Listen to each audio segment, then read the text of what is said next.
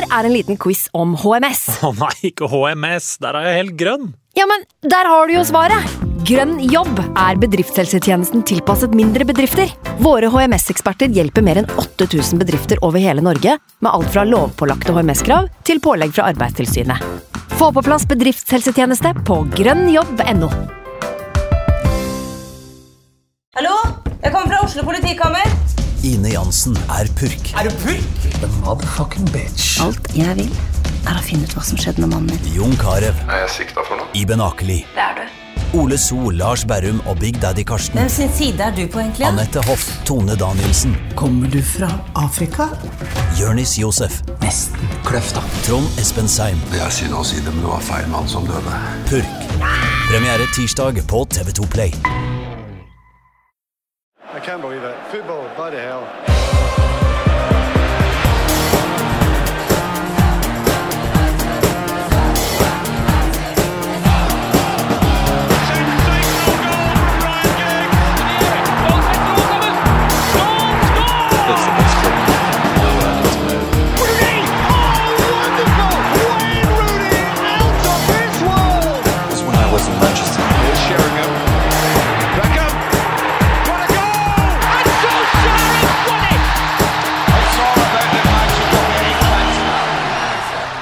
Velkommen skal du være til nok en episode av United We Podcast. Jeg heter Ken Vasenus Nilsen. I dag så har jeg med meg tre mann. Anders Serener, velkommen. Takk skal du ha. Eivind Brennhovd Holt, velkommen. Glory, glory. Øyvind Eide, velkommen. Jo, tusen takk for det. Veldig godt å ha dere her. Eh, Vi er eh, mannsterke i dag. Vi skal oppsummere to eh, hjemmekamper som eh, både var ganske like og ganske ulike på hver sin eh, måte.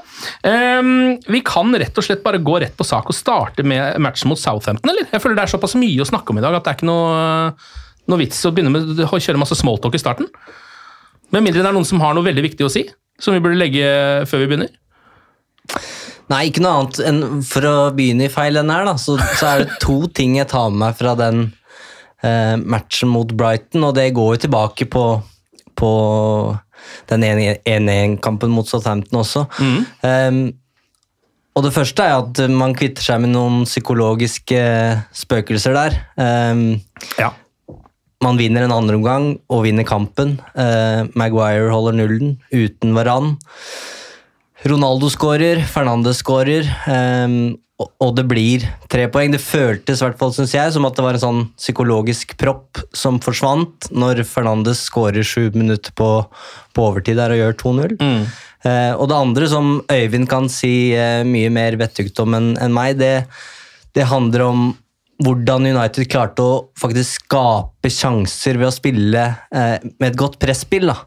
Eh, tidligere syns jeg det har det har fungert godt i, i flere faser av spillet, men kanskje ikke det der med å lure dem inn i sekken og, og vinne ballen høyt og skape sjanser, mens det syns jeg de gjorde mot Brighton. Så sånn sett to grønne piler der fra meg, i hvert fall.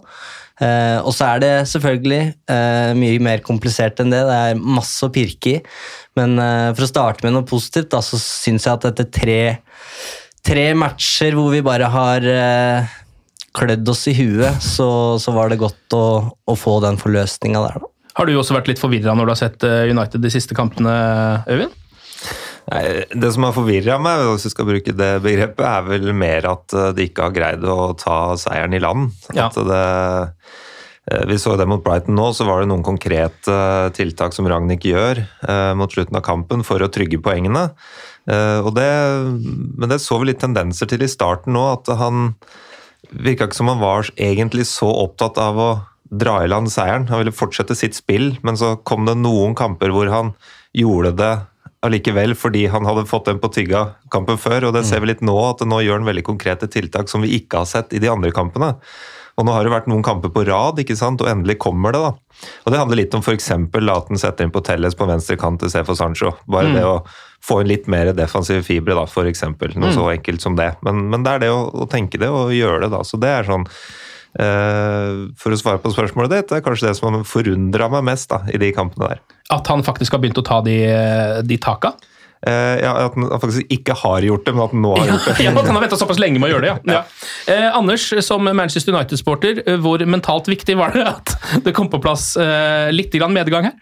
Det vil alle mine venner og familie si var supert. faktisk, fordi De psykologiske, psykologiske spøknakker sluppet tak i meg helt. Jeg satt fortsatt og tenkte at Brighton like gjerne kunne fått en 1-1 i går. Ja. Det var noen innleggssituasjoner og noen litt sånn rufne Mm. greier. og vi skulle vel egentlig også være inne på Sotan-kampen. Eh, helt ok å gå videre derfra, for det har jeg på en måte akkurat klart å legge bak meg. Eh, For det er jo åpenbart progresjon, og jeg syns det tellesgrepet du er inne på, det var stilig å se. faktisk. Det var en sånn veldig konkret trussel og en veldig konkret løsning. Eh, Så kanskje det er de der grønne pilene Eivind snakker om, at det er, litt, eh, at det er noe fint som skjer her, i hvert fall. Det har vært litt tøffe 120 minutter, altså. Jeg har nummeret til en uh, god psykolog, så hvis du trenger det underveis, uh, så får vi ta det, for nå skal vi gjennom Southampton-kampen også, Anders. Å, kjære venn. Så nå er det bare å stålsette seg bitte lite grann. Det som er rart, er at Ragnhild har jo også en god psykolog i Manchester United. Han har jo henta en egen psykolog til England. um, så han bør jo ha hatt nok å jobbe med de siste ukene. Kanskje er det han som eh, har vært inne og justert litt. Det òg var jo litt rart da vi hørte om denne mentale coachen, som de kaller det, eh, som har blitt henta av Ragnhild, at det da eh, Vi fikk inntrykk av at det var noe som ikke hadde vært på plass før det heller. Eh, Så nå er det et par ting som har kommet på plass i løpet av de siste par månedene her. Kanskje, kanskje det begynner å gå rett vei. Det er jo i hvert fall lov å håpe på det. Southampton United starter med én endring, hvis vi sammenligner med kampen mot Burnley. Det er da at Cristiano Ronaldo går inn for Edison Cavani på topp. Cavani er ikke i tropp. Hva skjer med Cavani? Skada, eh, og det er eh, Han får jo litt kritikk her og der, fordi han eh, Jeg skjønte i hvert fall på Solskjær at Kavani skal føle seg 100% før han gir grønt lys.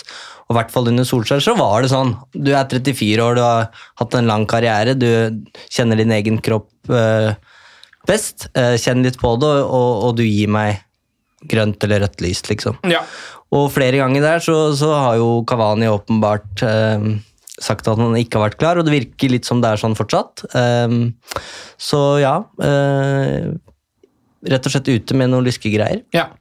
Det er vel også sånn at man skal ikke starte opp en Ferrari hvis det er litt rusk i motoren. Eh, så det kan jo hende at det bare er sånn. Du ser, jeg skjønner at det krever litt eh, Hva skal man si? Det krever 100% energi å spille som Edison Cavani også.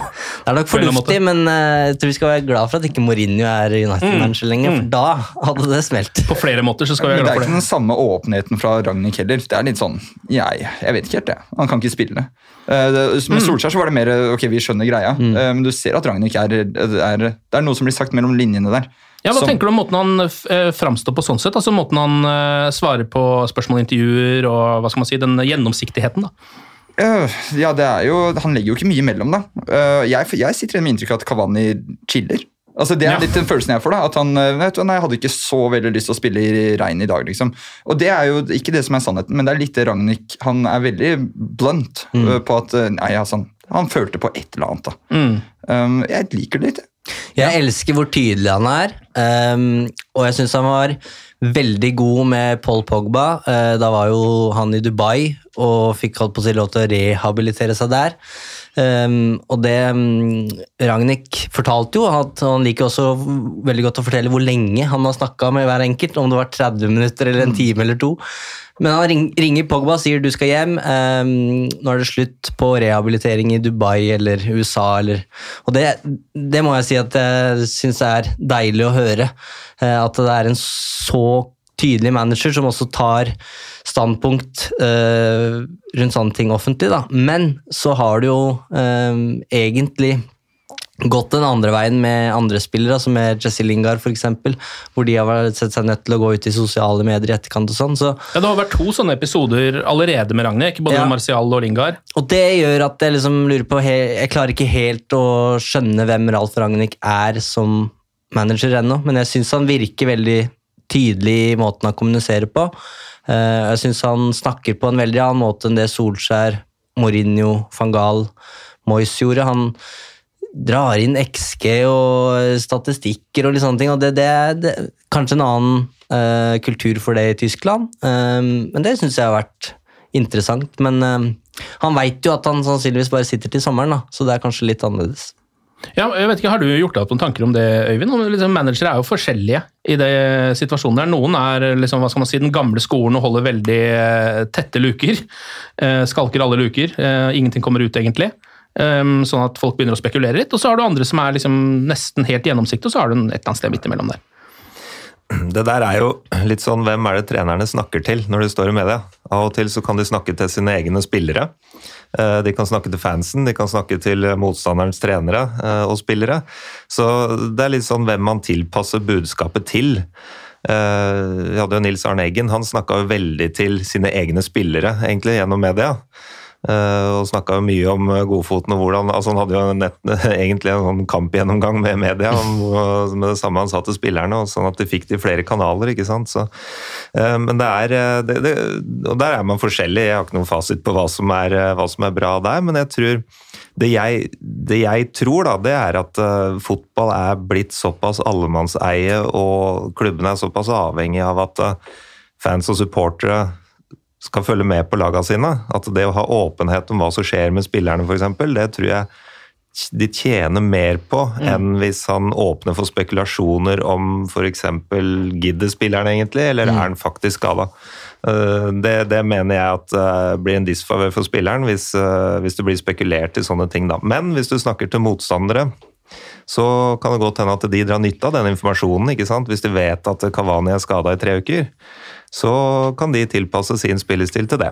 Ja, og er det derfor det ofte er så eh, ja, diffust rundt hvor lenge folk er ute? Ja, for du, du, du kan tenke deg sjøl, det er noe helt annet å møte Kavani i et eh, press enn Ronaldo. Ja.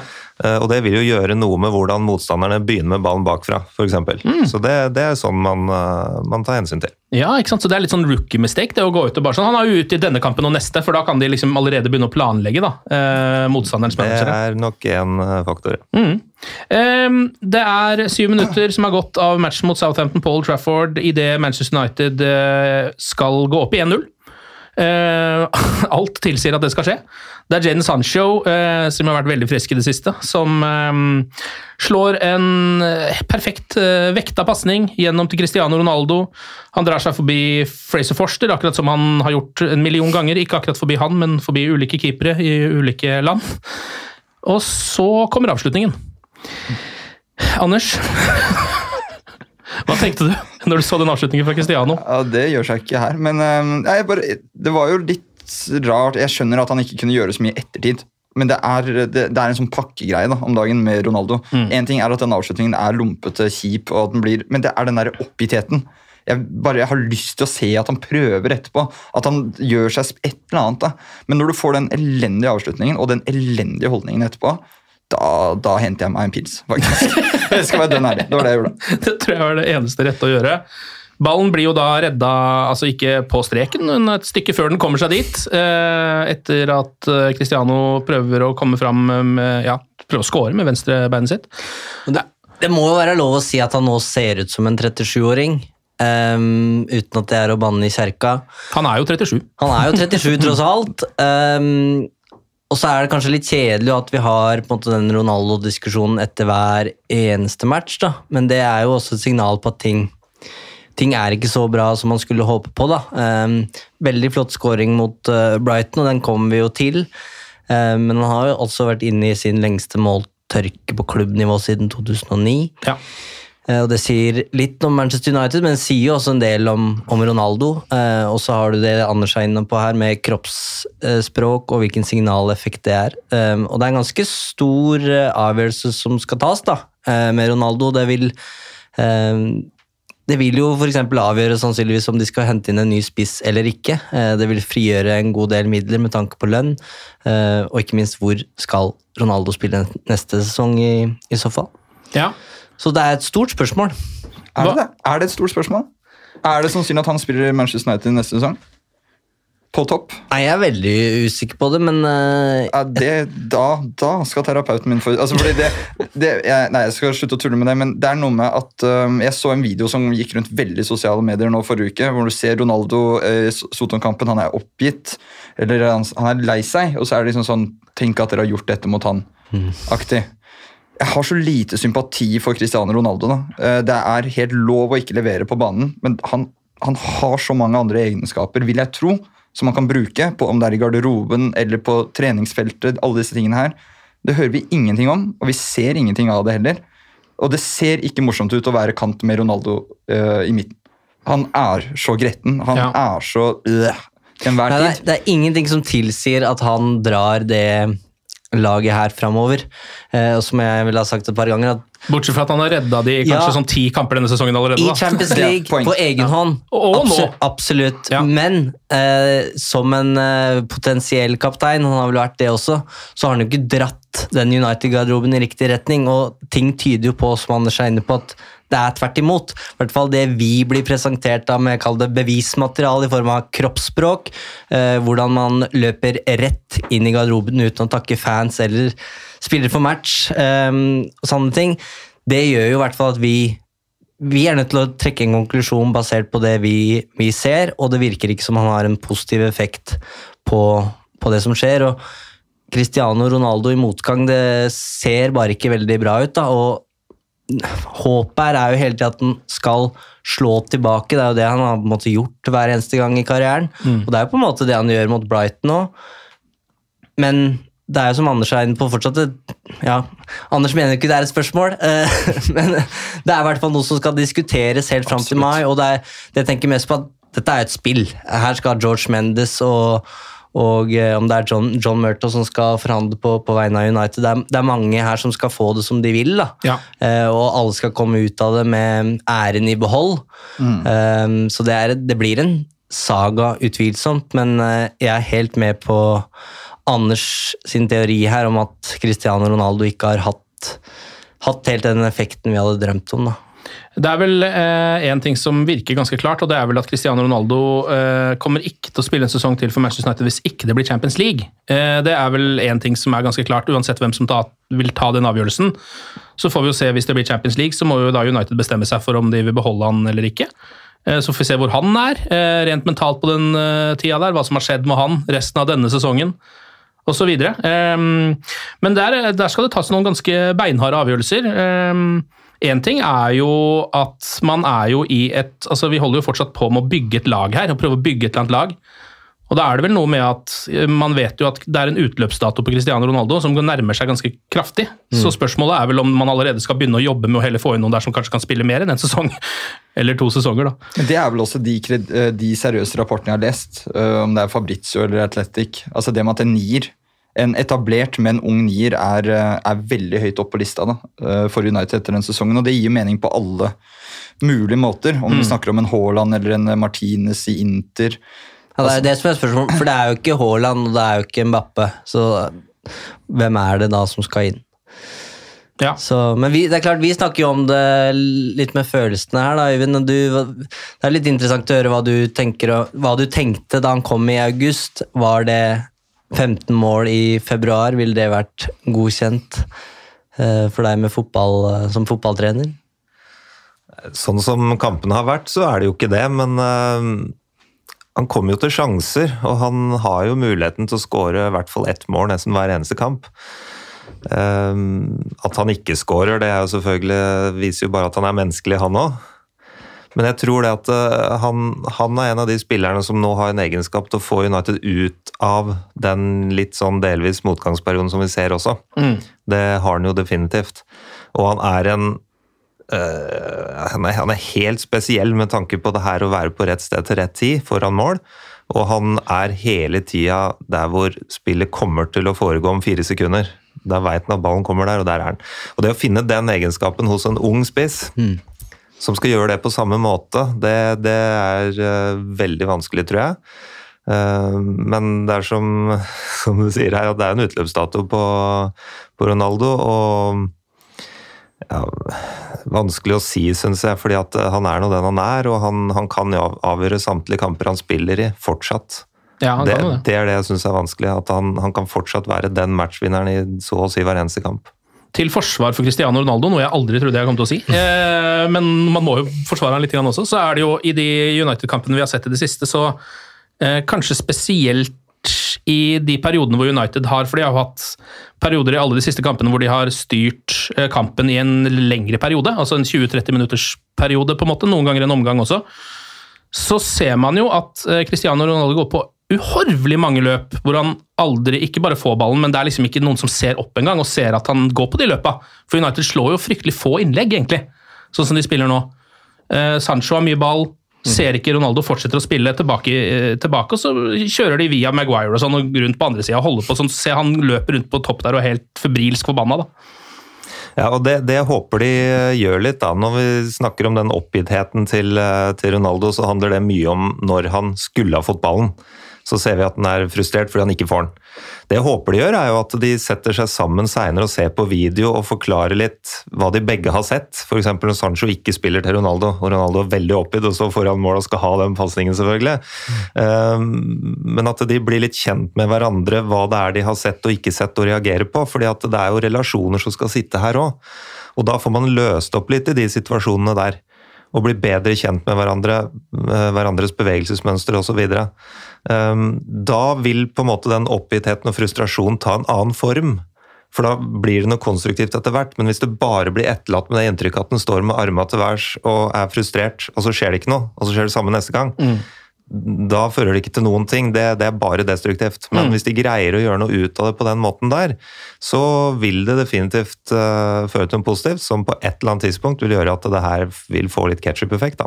Og det er jo en sånn situasjon, bare to minutter etter at uh, Cristiano har bomma uh, på åpent mål, så kontrer United. Ni minutter er spilt. det er Sancho da, som nok en gang er ferdig frampå går og går og går. Har med seg både Cristiano Ronaldo eh, og jeg tror det er Marcus Rashford. Jeg husker ikke helt, men sannsynligvis er det han.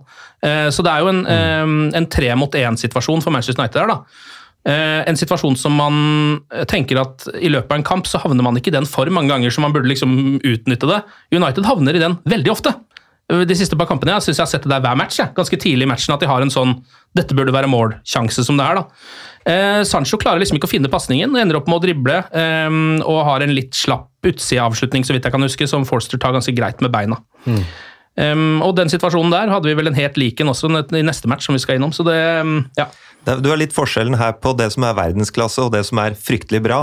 For du ser Sancho ikke sant, kan drille seg gjennom og danse gjennom spillere, men så mangler det av og til i sluttproduktet. Men så ser du Mbappé, da mm. mot, uh, mot, Real Madrid nå. Danse gjennom, setter den mellom beina på keeperen. Ja. Det er forskjellen på verdensklasse og det som er nest best. Ja. Og der er foreløpig Sancho, men han har definitivt potensial til å ta steget. Han har sett helt fantastisk ut de siste kampene. Ja, han har jo det. Vært en av Uniteds aller beste eh, de siste matchene. Eh, og så eh, kommer det endelig en scoring for Manchester United. Det er spilt 21 minutter. Bruno Fernandes banker ballen i bakrommet, som han gjør en 10-12 ganger per match. Der er Marcus Rashford med farta si stormer mot 16-meteren, finner Jane Sancho på blank på bakre stolpe, og da står det 1-0. Um, og det føles jo deilig, fordi det virka litt som United hadde tenkt til å rote dette her bort, egentlig. Altså sånn ikke få en scoring i løpet av den gode perioden sin. Det gjør de, eh, heldigvis. Og så har vi jo dessverre sett eh, akkurat den matchen her et par ganger før da, i det siste, så vi vet jo på en måte hva som kommer her. Eh, Fattern eh, sender meg en melding 'jeg gruer meg til andre omgang', skriver han. Eh, I det der pause. Og selvfølgelig sånn blir det også, for det skjer egentlig ikke så veldig mye mer eh, før pause. Men rett etter ja, da blir det 1-1. Da er det Moyo Lunussi som jo har en ganske bra match, så vidt jeg kan huske. God. Veldig god. Stikker igjennom til Shay Adams, og høy klasse på den avslutningen nå. Da. Det er jo en Mbappé-aktig avslutning. Eh, helt langs bakken, stang inn. Mm. Uh, uttagbart for De Hea, vil jeg si. Og så er det da 1-1 rett etter pause. Uh, hva går gjennom et Manchester United-hode da, Eivind? Det er så mange ting, da. Um, vi har jo snakka om at det er kanskje at noen små justeringer på veien her, så er utgangspunktet som Solskjær ga fra seg, ganske bra. Eh, men jeg syns jo det vi har sett under Ragnhild nå, det viser at det er, her, her, er det så mange ting. Og Hvis du ser på den troppen, hvor, hvor mange av de spillerne i den førstelagstroppen er det ikke da blitt satt spørsmålstegn ved siden de kom til klubben? Eh, og bare for å ta forsvarsfireren nå, da Um, så er det jo Harry Maguire som får unngjelde som mest nå. Uh, Lindeløf har hatt sine perioder. Vi har Bailly og Jones bak der, og så er det Wambisaka som ikke er offensiv nok, og Dalot som er for offensiv, og så er det Shaw som svinger. så mm. det, det, der er jo ikke en firer som bare trenger en, en, um, en ny brikke. Um, og det at det er Harry Maguire som får den tyngste kritikken, og det, det syns jeg gjør det ekstra vrient, i og med at han kosta så mye som han gjorde, og er utnevnt som kaptein. Da er det ikke bare å det er ikke bare, Vi kan godt sitte her og mene at Lindløf bør spille hver eneste kamp resten av sesongen, men for Ralf Ragnhild så vil det være ganske brutalt å sette kapteinen på, på benken. Eh, på den måten. Så, men det baklengsmålet er på en måte, syns jeg, mest av alt eh, Eller den matchen. Eh, det er En sånn ny bekreftelse på at her eh, her er det en vei å gå. Ja, her er det en vei å gå, ja. Det er Men, men jeg har aldri sett eh, det så tydelig inn i United-kamp som nettopp mot Soton. at nå, Dette er Øyvind sitt felt, da, men altså, den plasseringen til Maguire gjennom hele kampen, de beslutningene han tar, som setter Varan i dårlig altså, Det er en sånn kjede, det virker som en sånn kjedeeffekt da, i den backfireren hele tiden. Og altså nei, nei? Luke Shaw også har en liten tendens til å oppheve offsides, føler jeg. Så ja, det, og det, det ser vi jo der. Mm. ja. Det, var, det, er, er urovekkende. Ja, det er urovekkende. Um, samtidig er det ikke liksom egentlig den nesten eneste jobben til manageren å ta de tøffe avgjørelsene. Uh, jeg føler liksom at når, den, når du har Nå jo, var jo Varan riktignok ute igjen, uh, ikke denne matchen, men neste, da. Um, men uh, når du har Varan, du har Lindeløf, som jo har vært bedre enn Maguire i samtlige kamper han har spilt det siste året, sannsynligvis nesten. Men jeg har en teori. Jeg tror Ragnhild kom inn i Manchester United og så for seg, um, og det sa han jo bokstavelig talt òg, vi må få kontroll på kampene. Og jeg tror kontroll har vært nøkkelordet her, ikke bare på banen, men også på en måte bak kulissene, i klubben.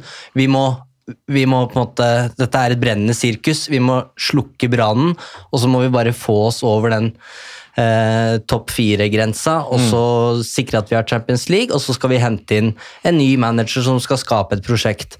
Og da er det han som skal ta det valget om eh, Harry Maguire skal være kaptein og, og bli værende i klubben. Ikke Ralf Ragnhild som skal være der i seks måneder. Hvis han setter Maguire på benken, så tar han på en måte det valget for nestemann. Eh, og jeg tror han som sagt håpa på at her Manchester United har et så godt lag, og jeg kom med en så god plan, at her eh, skal vi bare roe i land en, en topp fire-plassering. Men det er jo på en måte det motsatte som har skjedd, eh, med marsialer som vil bort, og Lingarer og Greenwooder og så det har jo vært et kaos, eh, og vi har jo fått et spørsmål om Neville-kritikken, og det er jo det det går litt på, at her er det en spillergruppe hvor det bare Det er så mange ting, det er så mange gule og røde flagg i den garderoben, tror jeg, at det, det, det er ikke mulig å på en måte holde huet over vann.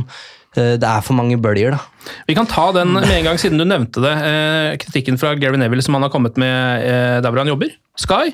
Eh, jo André, som spør om dette på Twitter, snakk litt om den kritikken og hva dere syns om den. Um, og først og fremst, Eivind, hva er det det går ut på sånn ish? Det handler om spillemakt i garderoben. Det handler om Og nå sier jeg det Neville har sagt. Refererer til rett og slett at det er en spillergruppe der. Han har kalt dem for winebags før. Um, såre sjeler som, som syns synd på seg sjøl. ja, de har hatt noen tøffe år um, med, med lite suksess. Um, men det er veldig lett for de å skylde på manageren. Eh, Og det her kommer jo i etterkant at uh, nye rapporter i engelske medier om at spillerne ikke er overbevist av uh, Ralf Ragnhild på treningsfeltet. Og da gikk det jo nesten idrett i å, å finne fram gamle artikler på, på Twitter om, om at spillerne heller ikke var overbevist over Solskjær og McKenna, og heller ikke Mourinho og, og, og van Gaal, liksom. Så er det manageren som er problemet, eller er det en spillergruppe her som uh, Hva skal jeg si uh, har gjort det litt for enkelt å, å skylde på, på manageren og prøver å, å gjøre jobben hans, mens Neville, som jo selvfølgelig er en old school eh, fyr, sier gjør det dere skal, spill for manageren, ikke gjør jobben hans. Og så kom en liten sånn trussel også. Vi vet hvem dere er. Ja, Aktig. nesten litt ja. Sopranos-aktig fra Gary veldig Sopranos, så det er bare å se på bunnen av Manchester-kanalene til sementføtter. fordi det var, det, Han var ganske sær... Men det, jeg, må, jeg må bare ta noen sekunder på det der. for jeg, den eh, Spillere som klager på trener, er det, er, det, det, det skjer liksom bare i United ennå. Der skjer det gang på gang på gang, på gang, og det er de samme journalistene som får den samme informasjonen. Så det er åpenbart at det er noe i det, og det er så konkret informasjon at vi skjønner at okay, dette er faktisk eh, Det er ikke bare plukket. Og når jeg ser seriøse journalister som blir feeda av spillerne om hvilke trenere de foretrekker neste sesong øh, altså hvis, hvis Ragnhild da vil ha Sean Dyche altså Jeg går for Sean Dyche. Jeg er så lei av å høre hva United-spillere vil. Altså, da, vet du, jeg skal møte journalisten.no i morgen. Jeg snakker litt om sjefen min, for jeg, jeg har ikke så lyst til å jobbe 8-4 lenger. Det er helt sykt. Det fungerer jo ikke sånn i noen annen bransje. Uh, Så nå må, nå må noen ta kontroll. rett og slett. Noen må styres kontroll. og Så er det gjort noen endringer uh, i strukturen i United. Det er der, der må de jobbe nå, altså. Ja. Takk. Kan jo også nevne at en av de tingene som Gary Neville reagerte på, var at uh, Chris Armas uh, blir kalt for Ted Lasso. For han er amerikaner. Jeg vet ikke om noen har sett Ted Lasso. Har så. Som er en, en bra serie. En god serie om en NFL-trener på mange måter, eh, som kommer til Premier League eh, og egentlig ikke har peiling på hva han driver med, og det går allikevel helt greit. Så det Ja. er vel historien om Ted Lasso. Men det er vel ikke sagt i hyggelige ordlag i denne konteksten? Absolutt ikke. Det er ingen som vil ha Ted Lasso i garderoben eh, hvis du faktisk ikke er en TV-serie, men driver med dette i virkeligheten, eh, tror jeg. Men jeg tror jo ehm, Vi sa det etter Mourinho, at den troppen her, eh, som han leverer fra seg, den er faktisk bra på papiret. Eh, og vi sa det etter Solskjær, eh, og begge gangene så har det på en måte vist at eh, der bomma vi litt, uh, gitt her. De, de er jo ikke så gode som vi trodde. Og jeg tror det, det handler jo ikke om spille, altså Spillerne på papiret er jo de samme. Men jeg tror det handler om, om det mentale. Da. Det handler om hvilken gjeng man sitter igjen i, med i, i garderoben. Og da, ja, hvilken gjeng? Fordi det, er, det virker ikke å være en gjeng. Det virker å være enkeltspillere som tenker på sine egne eh, interesser, først og fremst. Um, og om det vil gagne de å, å bli værende i Manchester United. tilfelle om det er Porcetino som kommer inn, eller om det er Luis Henrique. Um, og- og det er det er i hvert fall grunnen til at jeg tror det har gått som det har gått med Ragnhild. Det er at det er, det er et bevis på at det er så mye grums i den garderoben. og jeg, Vi kan drømme om å få en, eh, en så åpen dokumentar om Manchester United, men det, det hadde vi nesten fortjent, syns jeg, da, for å få se hvordan det faktisk foregår. For jeg tror det er, et, jeg tror det er en veldig komplisert og vanskelig garderobe å forstå seg på. Da. Men eh, det er jo ikke særegent for Manchester United, tenker jeg da, eller burde ikke være det. fordi nå er vi jo eh, altså 2022, hvis du ser på lagene som er rundt omkring, selv de beste lagene i verden, da, så består jo ikke de liksom av elleve folk som har spilt sammen i mer enn tre, fire, fem, seks, sju, ti år. Det er jo sammenraska kvalitet fra ulike land, verdensdeler, på en måte, putta sammen. Hvorfor er dette et problem i Manchester United og ikke i Chelsea eller Liverpool eller City eller eh, så hva pokker ellers, liksom? Ja, jeg kan si litt om det der, da. Nå er det jo sånn at eh, de superstjernene som sitter der, som du sier, de kommer jo fra hele verden og har jo sin egen lommebok og tenker på sånne ting, men så ser vi allikevel at uh, trenere i City og Chelsea, de får det til. Liverpool. Uh, men det er jo ikke sånn at de har fått det til hele tida, de heller. Men det vi ser nå, da, f.eks. på en Pep Guardiola og en Klopp, det er at de, de vinner over spillerne først og fremst ved at de har en tydelig spillestil som de får resultater med. Den måten de har valgt å gå inn og trene laget på og spille på i kamper, den fører til resultater. Og da blir jo det en god sirkel. Og det tredje det er at de vraker spillerne som ikke passer inn. De er ikke redde for å fjerne den spilleren som ikke skal være der. Eh, Så med en så tydelig spillestil, så kommer det også et tydelig sett med rollekrav, dvs. Si krav til hver enkelt rolle ute på banen. Og hvis spilleren ikke oppfyller de, både si, holdninger og, og, og ferdighetsmessig, så er det noen andre som må inn. De er beinharde på det. Og over tid så vil jo det bare forsterke hele konseptet. Eh, og det kan nok hende at det er litt av utfordringa her nå. At eh, Solskjær kom jo inn og skulle være en slags sånn caretaker en stund, og så ble han ikke det. Han ble sittende i tre år. Mourinho kunne jo vært en som kunne fått tid, han fikk egentlig ikke det, han heller. Van Gaal fikk jo ikke tid. Moyes fikk ikke tid. Ikke? Det har vært en haug av trenere som ikke har fått tid til å kjøre den runden der, som, som Klopp har, har gjort. Og, og også og Pep, da, så kan man si at ja, men de leverte resultatet med en gang. Ja, men de kom også inn med en veldig tydelig eh, rollekrav og spillestil, og de leverte resultatet med en gang. Vi kan ikke forvente at alle trenere skal levere de resultatene med en gang. Men hvis vi gir noen av dem tid, så kan det hende at de greier å komme dit. Eh, Men da må det legges en annen struktur et eller annet sted i klubben hvor man begynner å bygge, tror jeg. For det, det holder ikke å si at eh, Ragnhild nå skal trene laget ut sesongen, og så sitter han plutselig i tre år. Og så har man egentlig forberedt på at noen skal ta over som aldri tar over. Så jeg, jeg er litt usikker hvilket nivå dette her begynner på, for å være ærlig. Og så tenker jeg litt sånn, både med Solskjær og Mourinho i hvert fall, så har man jo følt at ok, nå er vi ved reisens slutt, på en måte. her er det ingen vei tilbake. Eh, og da blir jo spørsmålet ok, men hvorfor blei det sånn? Og i begge tilfeller så, så imploderte jo på en måte alt i løpet av seks måneder, egentlig, ganske kort tid. Så hva er det som gjør at uh, det blir et så um, dårlig miljø, da, for å si det sånn, at de rett og slett ikke kan få mer tid? Og Merkelig nok så skjer jo det her begge gangene rett etter den beste sesongen de har hatt. Mm. Hvor de faktisk er der man, de burde være da, og begynner å nærme seg noe, og så bare bam, så er det ferdig. Ja, og det er jo der, der jeg tenker vi kan peke enda høyere opp, da.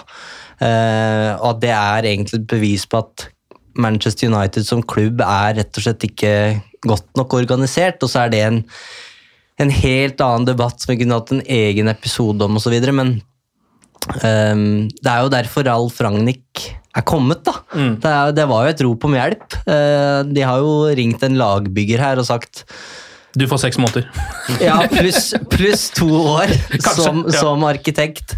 Så det er jo det er et håp om at, om at det skal gjøres endringer. og er, Nå er det Richard, Richard Arnold som er toppsjef, og, og vi har en fotballdirektør og en teknisk direktør. og også nå en deputy director, hvis uh, The Athletic har riktig. Så det, det er mange kokker inne her nå, da, så man kan jo håpe at ting endrer seg, men det har i hvert fall vært en slags forbannelse nesten over Manchester United, da, med tanke på at man har jo på en måte nådd et punkt hvor manageren kan ikke fortsette. Nei.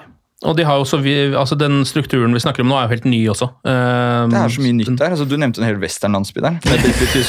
Ja, det, jeg så Rooney, Den snakka vi så vidt om, Rooney-dokumentaren som akkurat har sluppet. Der um, handler det jo litt om 2010. Da Rooney går inn på kontoret til Ferguson og sier at uh, det, hva skjer nå? Ja. Nå har du solgt våre to beste. Henta inn uh, to litt ikke så gode. Han tenkte det samme som alle Manchester Og han United-sportere sier gjorde da. jo da også at Ferguson mer eller mindre bare kom seg så fort ut av klubben han kunne. For han så hvor dette var på vei. Det er ganske, det er ganske heavy ord å komme med. Ja. Men det gir jo mening. Det ser jo ut som det faktisk stemmer. Da er det en del som skiller Rooney en unnskyldning, da. Det må vi jo kunne si, da. Absolutt. Ja, ja, men ja, men det, han hadde jo, ja, viste seg å ha ganske rett i det, men det er jo noe med å ja, Det jo, sier jo egentlig alt om Wayne Rooney, og også ha de ballene og gå inn og si det til Sir Alex. Så det er helt vilt. Det er egentlig en som gjør det. Ok, vi går tilbake til Southampton-matchen igjen. Eh, Vi er snart ferdig med den. Ja, vi er snart ferdig med den nå, fordi altså, nå har Southampton uh, utligna i starten av første omgang, nei, andre omgang. Og så skjer det egentlig liksom sånn, ikke så veldig mye. Det svinger litt fram og tilbake. Um, rundt 60 minutter så er det litt sånn halvsjanse begge veier. Ronaldo er frampå for United, Sancho dribler og skaper litt trøbbel. Southampton har et par halvsjanser.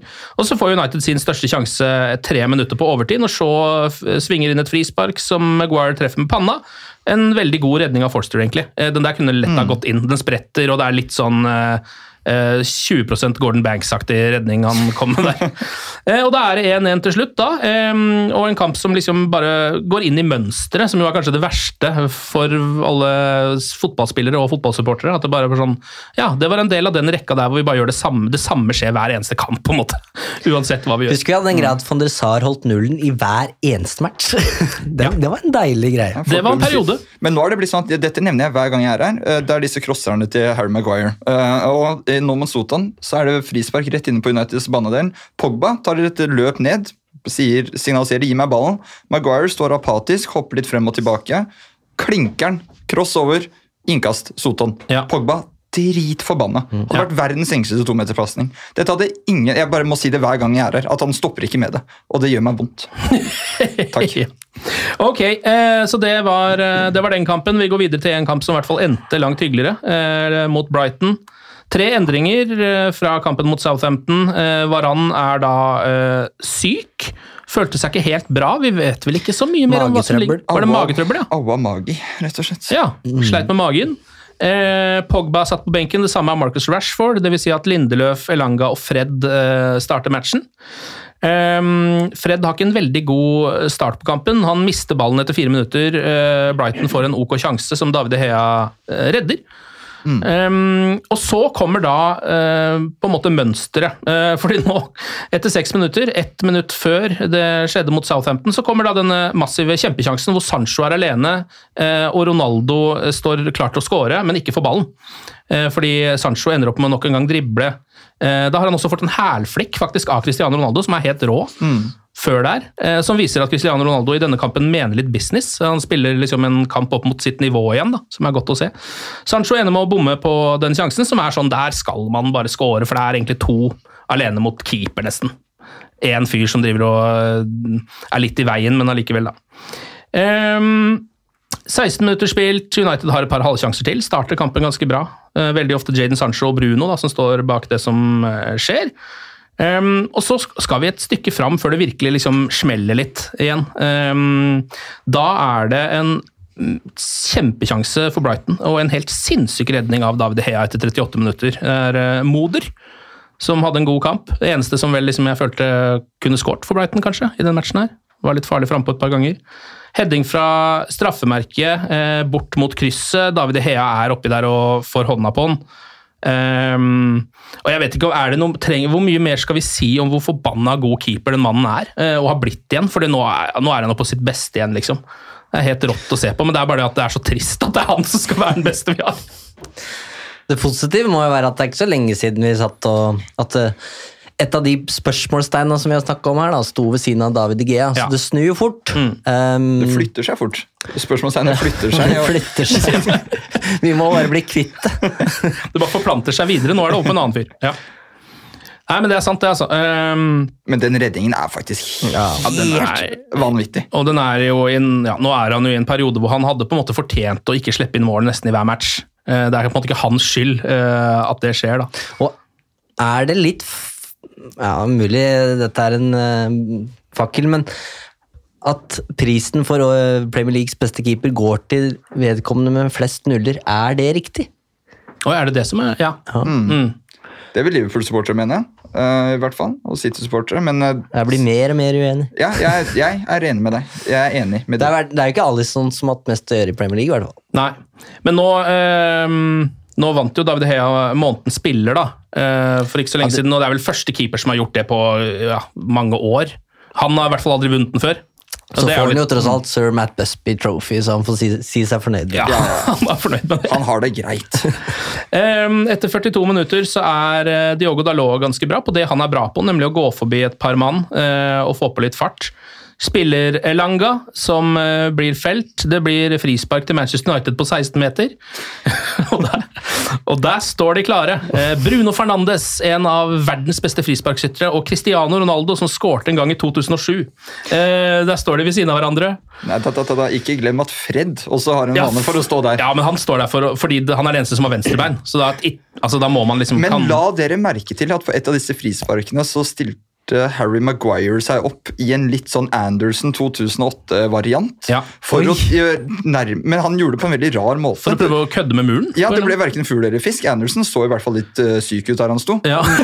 Maguire bare så som han sto feil sted. Egentlig, så han ikke visste hva som skjedde. Jeg ble livredd for det, fordi du vet at Maguire er borte i sånne situasjoner. så Hvis den hadde gått i mål, så hadde han, da hadde det, hadde blitt annullert for et eller annet, fordi han var der. Uh, og det er, ja, jeg ble livredd for å ha den mannen inne i boks. Altså. Uh, jeg hadde ikke sett det der på mange år. Men er det noen som kan forstå at Cristiano Ronaldo tar de frisparka?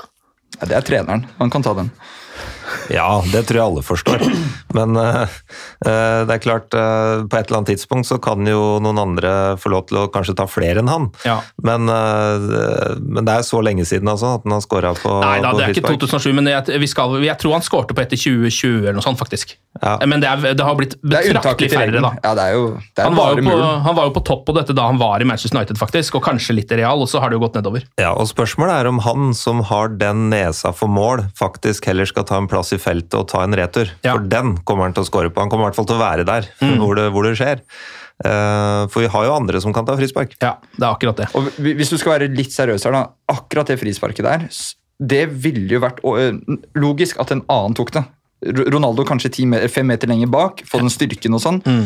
Mata hadde satt den der åtte av ti ganger. Ja, ja, han hadde faktisk det. Da, det er Mata-hold. Det er Mata-hold. Juli 2020. Juli 2020. Mot Torino. Og forrige gang Ronaldo skåra på frispark eh, Det er mulig jeg legger for mye i det, men jeg føler det her går litt til det vi har snakka om før, da, om, um, i den berømte Ronaldo-debatten. Hvem er det som, som, tar tak i Ronaldo uh, før match i garderoben og sier sånn Når vi får frispark i dag, så er det jeg som tar det. Ja. Du skygger unna. Um, og igjen, spillemakt. Jeg tror det er en komplisert garderobe, som sagt. da, Og Ja. jeg er ganske sikker på hvem som er sjefen der inne. Men, det, men akkurat de tingene der er vel solklart treneransvar, er det ikke det? Han kan, bare, Jo, for han kan faktisk bare gå bort og si i dag tar du Bruno, du tar frisparka i dag. Noe mer komplisert enn det syns jeg ikke det kan være. Nei, Da er spørsmålet hvordan Ronaldo reagerer, da. Men um... Ja, Det kan jo hende han begynner å sulmule litt, da, men hvis han får seg et mål i den matchen, så glemmer han det fort. Eh, Men det her er jo like enkelt som du sier. Altså alle, alle trenere setter jo opp dødballer før kamp. Hvem tar corner, hvem tar eh, innkast, lange innkast osv. Og, det- og da, hvis det da ender opp med at en eller annen som rekker opp hånda, er, tar, er den som tar, og er fus, på en måte, da, da er det jo plutselig noen andre som bestemmer. Og hvis Ja. ikke treneren da tar det valget om at uh, du må flytte deg, det vi har satt opp hvem som skal ta her, så mister jo han integritet med en gang. Så Men, jeg, jeg, jeg, tror jeg sjøl kanskje hadde satt opp Ronaldo på en del frispark, da, for å være ærlig. Det, det hadde jeg nok gjort. ja, Bare for å eh, godsnakke litt med han, på en måte. Nei, rett og slett fordi han uh, kan score. ja, En del frispark kan han sikkert han skåre på. prøvde seg på en sånn Pompey-variant, syns jeg det så ut som. Det Ja. var det han ville replikere, og hadde han fått til det, så, så hadde vi ikke snakka om det. Nei, er du gæren, hadde han fått det? Vi hadde det. kanskje nevnt det, men i andre ordlag. Men Eh, Det er i hvert fall eh, pause eh, på stillingen eh, 0-0. Det er jo aldri et godt tegn. Det er jo et helt forbanna dårlig tegn. Litt lett piping fra Old Trafford, eh, som det på en måte nesten bør være etter så mange eh, av den typen eh, opptredener. Men grunnen til det, og her må vi gi en liten hyllest til, Potter og Brighton. da. Jeg syns de har fått ufattelig mye ut av det mannskapet Ja, ja. som er her, der, og det han har gjort med den klubben. Mm. Det har vært helt fantastisk. Og de, de møter opp på Old Trafford, og de, for det første så tør de å spille fotball. De tør å spille sin fotball. Og de, de har jo possession innimellom på 60 over 60 Ja. Det er jo helt fantastisk eh, for et bortelag i utgangspunktet, men her er det Brighton det er snakk om. Og det de gjør, da, det ene er at de har mye ballsikre spillere, og sånne ting, men de, de kveler United i en del situasjoner hvor United ikke får lov til å ha ball. Og det er litt interessant, for her er det, her er det game of two half, som de sier. For United snur det her i andre omgangen. Og det er det som gjør at United overtar og vinner den kampen til slutt. Men i, i første omgang så, så er um, Brighton veldig aggressive. De står veldig tett på spillerne, veldig kompakte. Og så gjør United én feil, og det er at de står stille. Ja. For når de står stille, da kan hvem som helst markere dem. Da kan bestemutteren din også markere dem. Eh, Og når du får en aggressiv Brighton-spiller i tillegg da, så vinner de den ballen, og så kan de også skape sjanse på det, og det gjorde de. Men, Men så, hvorfor står de stille? For det høres jo eh, helt ulogisk ut at man skal stå stille. Er det fordi de er rådville, da, kanskje? det, det, det, det kan ikke jeg svare på, for det, det ser jo helt fordi helt det er en så stor det, ting i en kamp. Faen, vi gjorde én feil, vi sto stille. Altså, det, det, men, men, så, men så begynner de å bevege seg inn bak ryggen på Brighton-spillerne. Og Ronaldo begynner å strekke forsvarsspillerne, og da er det plutselig rom å komme inn i, og da kan de spille pasninger gjennom det presset til Brighton. Og da må Brighton begynne å løpe hjemover, for de må passe på romma bak seg, i stedet for å bare stå opp. Og da får Brighton litt sånn strekk i laget, og så overtar United litt mer av kampen.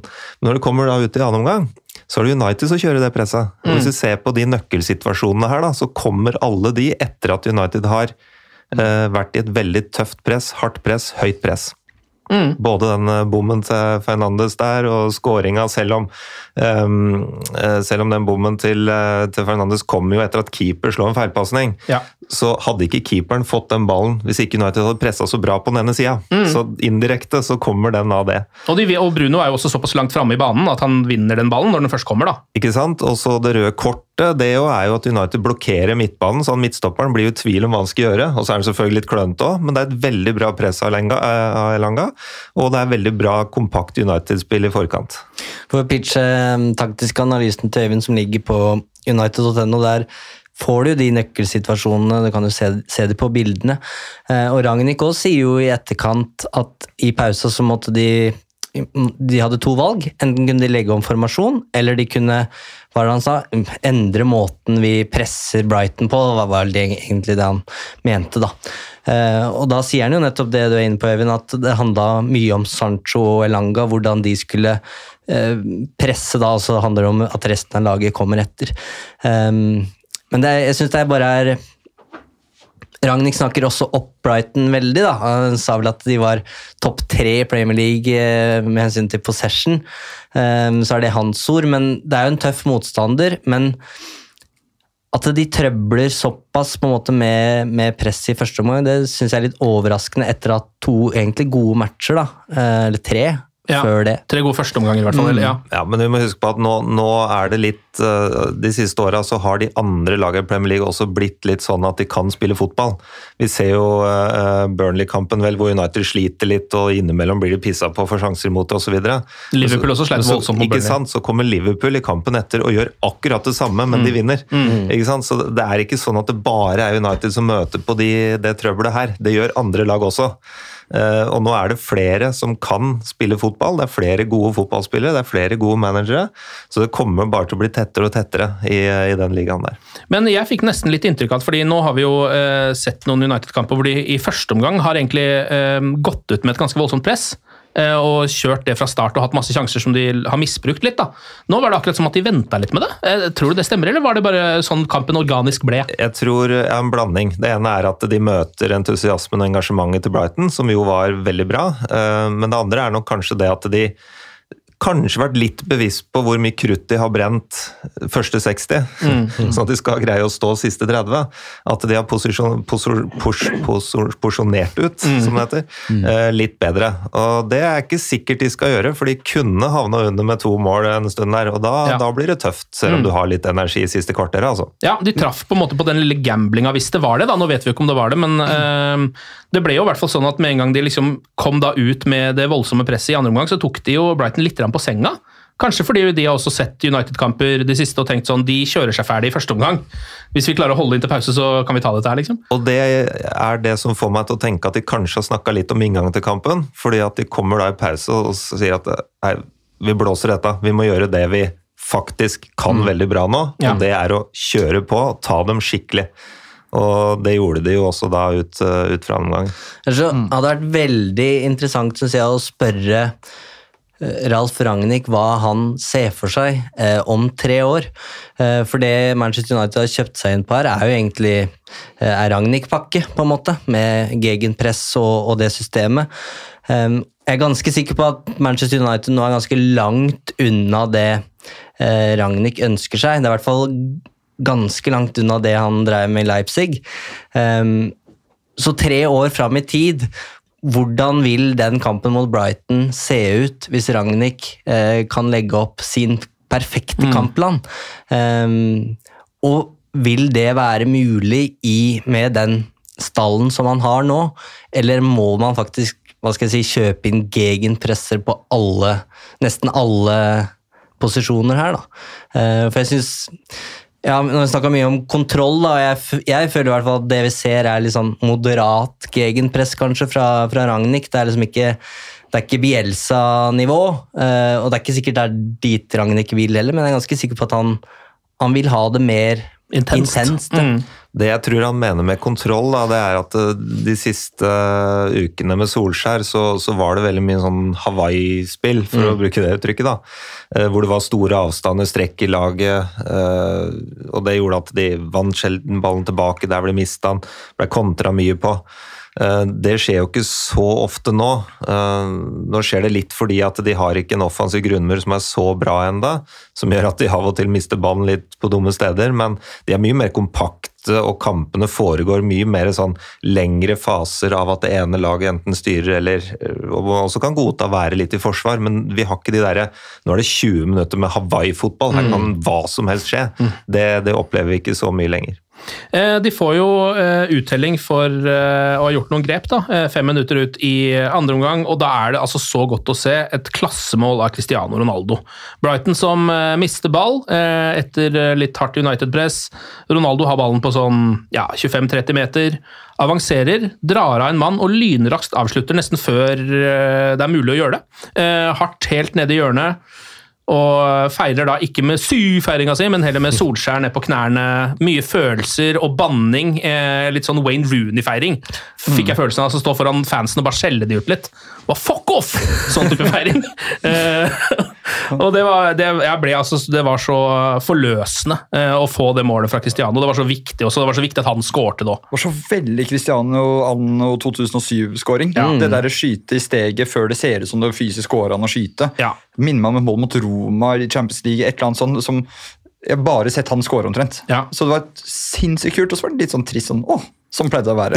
Ja, Hele tiden. ja, Men det var nesten ja. sånn, det var min andre tanke. Det sier vel litt om hvor jeg er i livet mitt om Men, dagen. Men Ja, det er sant, men det er som jeg, akkurat her så var det sånn, fordi det han får ballen der, så jeg, eh, selv om jeg vet at det er Cristiano Ronaldo, så, så ser jeg ikke for meg mål, fordi han er jo omringa av eh, Brighton-spillere. Det er liksom fire rundt han på en måte. Mm. Han har egentlig ikke noe sånn han har ikke noe liksom, eh, go to-løsning i hodet. så Nå må jeg fyre, nå må jeg drible. Det er liksom egentlig ikke noe å gjøre i den situasjonen der. på en måte, Bortsett fra bare legge seg ned og dø og gi bort ballen. Men eh, han, ja, det fikser han jo ved god, gammel verdensklasse, så det var eh, godt å se. altså. Og det så ut som det var veldig godt for han, da.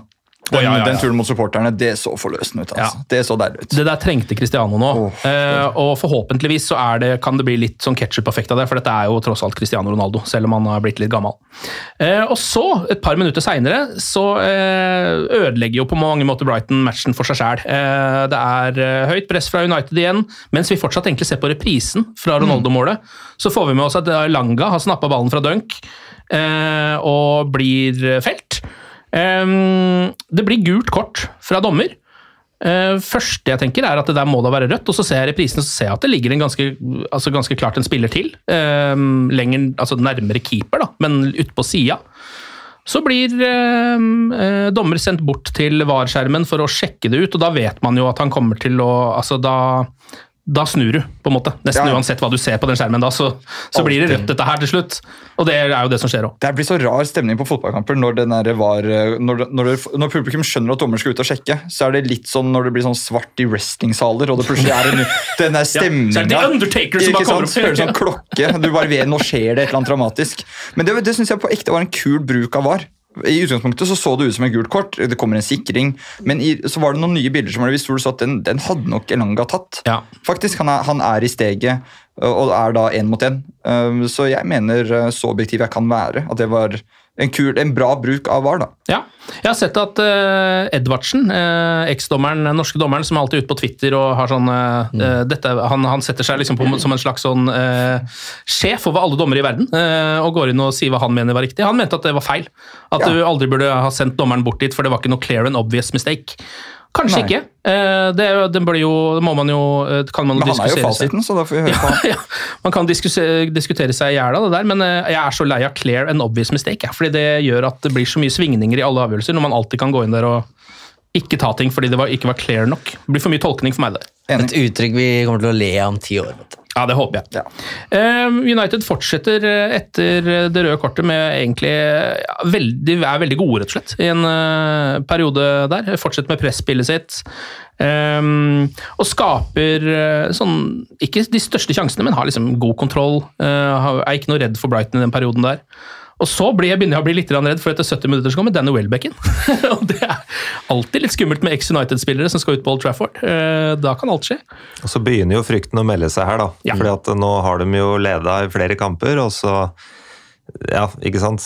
Skjer det mange ganger på rad, så tror du at det skal skje igjen. Så, så det er naturlig at de begynner å bli litt avventende og miste litt initiativet på en del ting. Og man hører publikum begynner å bli stressa. Ja, og det Jeg satt jo og venta på at hva, hva skjer nå, liksom. Det er, du blir usikker sjøl og bare hjemme i sofaen, ikke sant? Mm. så kan du tenke hvordan de på banen har det.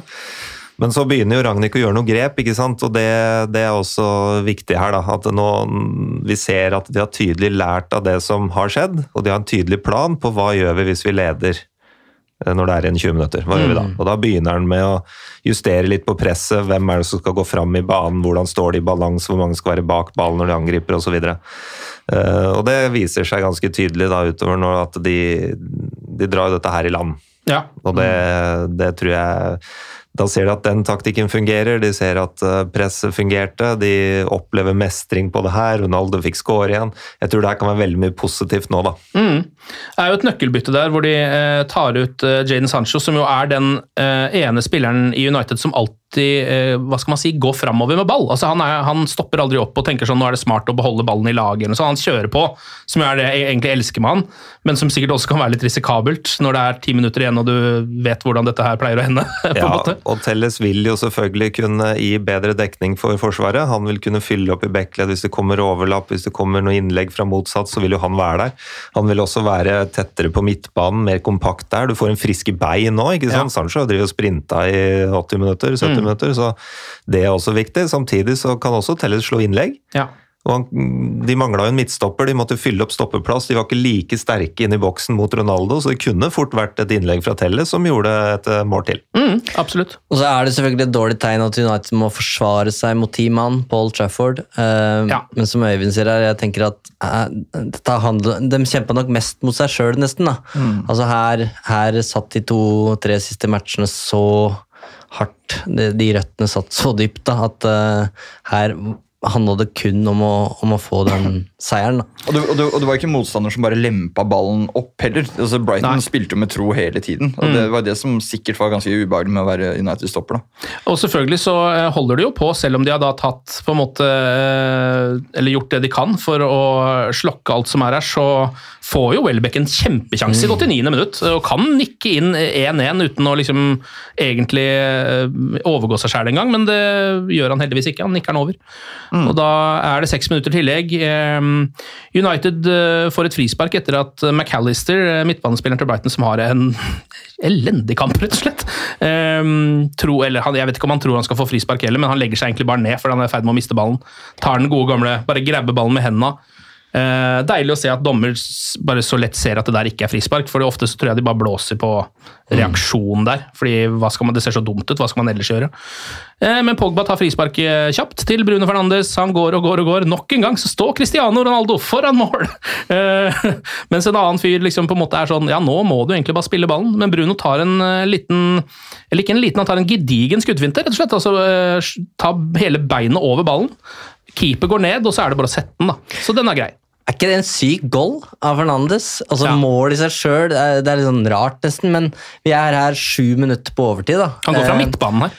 Og det koker jo i huet hans, han har jo hatt så mange sjanser og har ikke fått målpoeng på tre-fire kamper. Vi glemte vel faktisk å nevne den megasjansen han hadde tidligere i matchen, hvor han får ballen med Ronaldo også, og er helt på blank. Ja, Du ser det jo så godt på Fernandes og kroppsspråket hans når han er frustrert. eh, Og at han tar det løpet, har krefter til det, og er så kald at han drar den ja, hva skal vi si, kroppsfinta, for han drar jo på en måte drar jo til med Hvis du pauser reprisen akkurat i skuddøyeblikket, så jeg er helt sikker på at han skal fyre av, eh, men han har liksom balansen til å holde igjen, og så får han bare feid ballen i målet. Da. Men for meg så er det en, sånn, det er en maktdemonstrasjon, faktisk, i Ja. det 97. minutt der. For oss som er oppvokst med disse VHS-kassettene, de der eh, sesongoppsummeringene Andy Cole pleide å gjøre det der. Han hadde to-tre sånne over disse videoene, hvor han rett, nesten legger seg ned alene med keeper. Han tar den skudd, skuddfinte, kroppsfinte-varianten. Gjør det mot Tottenham, blant annet. Um, dette var barndommen Så det er min dette du gjør på kveldene med et glass vin? Og Hadde ikke, hadde ikke venner i oppveksten, Eivind, og det vet du jævlig godt.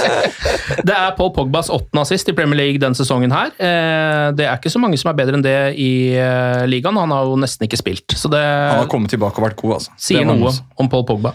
Ok, eh, det var det for den matchen. United vinner eh, 2-0 forløsende. Det eksploderer delvis på Manchester United, eller på eh, Old Trafford idet Bruno setter inn 2-0.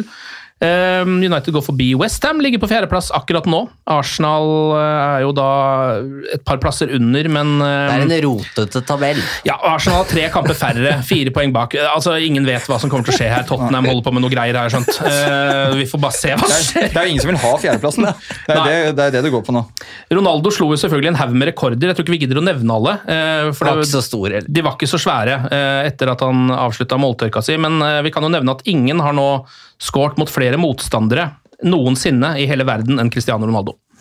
Eh, så det er, jo, det er jo noe.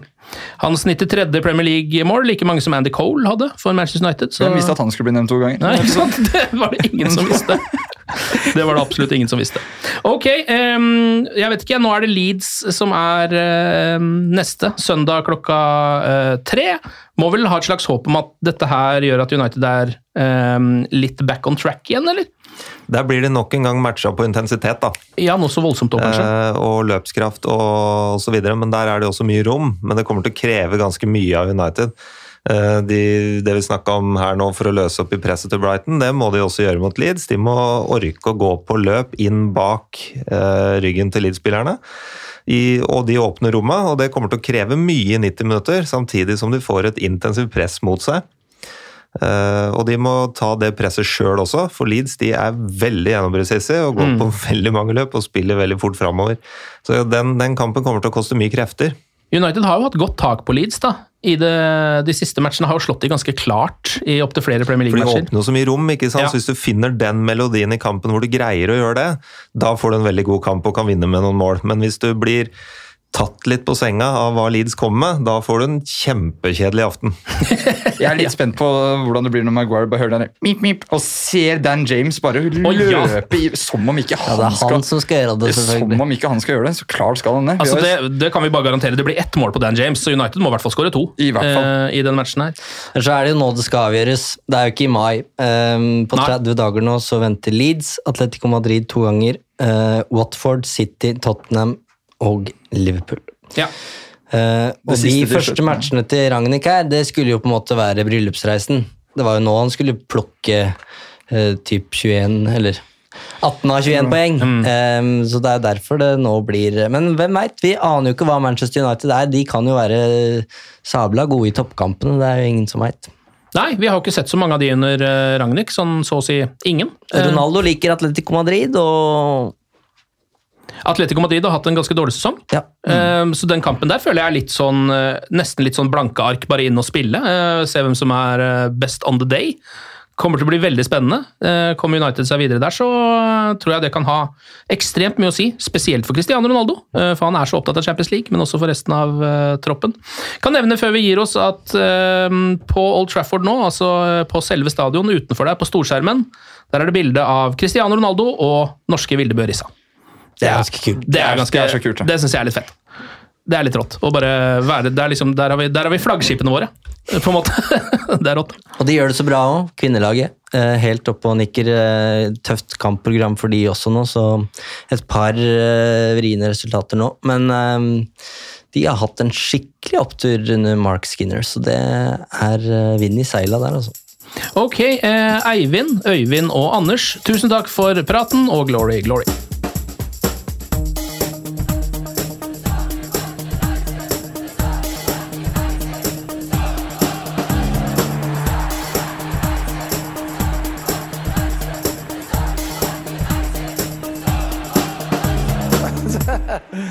True.